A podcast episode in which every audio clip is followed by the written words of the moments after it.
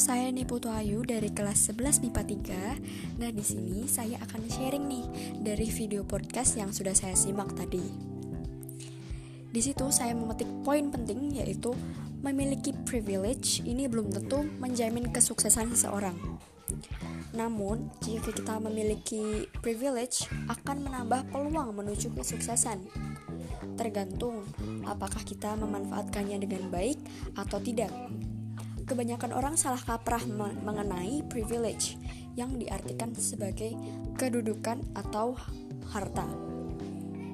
Karena ya banyak di luaran, di luaran sana keluarga yang memiliki dalam kutip bekal dan mampu mengatur bisnisnya dengan baik. Namun sayangnya hal itu tidak diturunkan ke anaknya. Misalnya saja, eh kok sih dia bisnisnya bisa lebih berkembang sih daripada bisnis ini? Terus ada yang balas, iyalah orang udah ditopang sama privilege orang tuanya. Selama ada duit mah aman. Nah padahal hal ini tuh salah besar. Mengapa anak itu bisa mengembangkan bisnisnya dengan baik? Yang pertama ya mungkin mungkin memang ada bekal dari orang tuanya.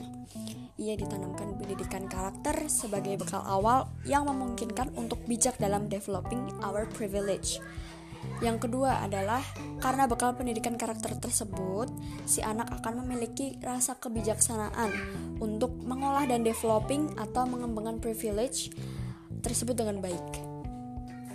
Selain itu, soal pendidikan, masyarakat Indonesia ini ditanamkan akan privilege perihal um, pendidikan formal itu sangat-sangat penting untuk menentukan kesuksesan.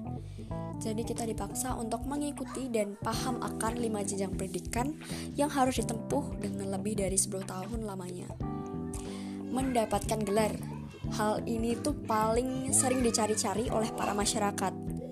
Kenyataannya, pada saat mencari pekerjaan di mana kita bekerja dengan tujuan utamanya ini adalah mencari cuan. Bukan pujian apalagi pujian akan hasil belajar kita, apalagi gelar yang kita dapatkan yang dibutuhkan suatu perusahaan adalah skill kompetensi. Intinya adalah um, pendidikan formal itu bukan yang paling penting. Yang paling penting untuk hari selanjutnya adalah skill kita. Skill kita dalam pelajar, eh, skill kita dalam pekerjaan tersebut dan bagaimana kita pintarnya untuk developing skill tersebut. Sekian, terima kasih.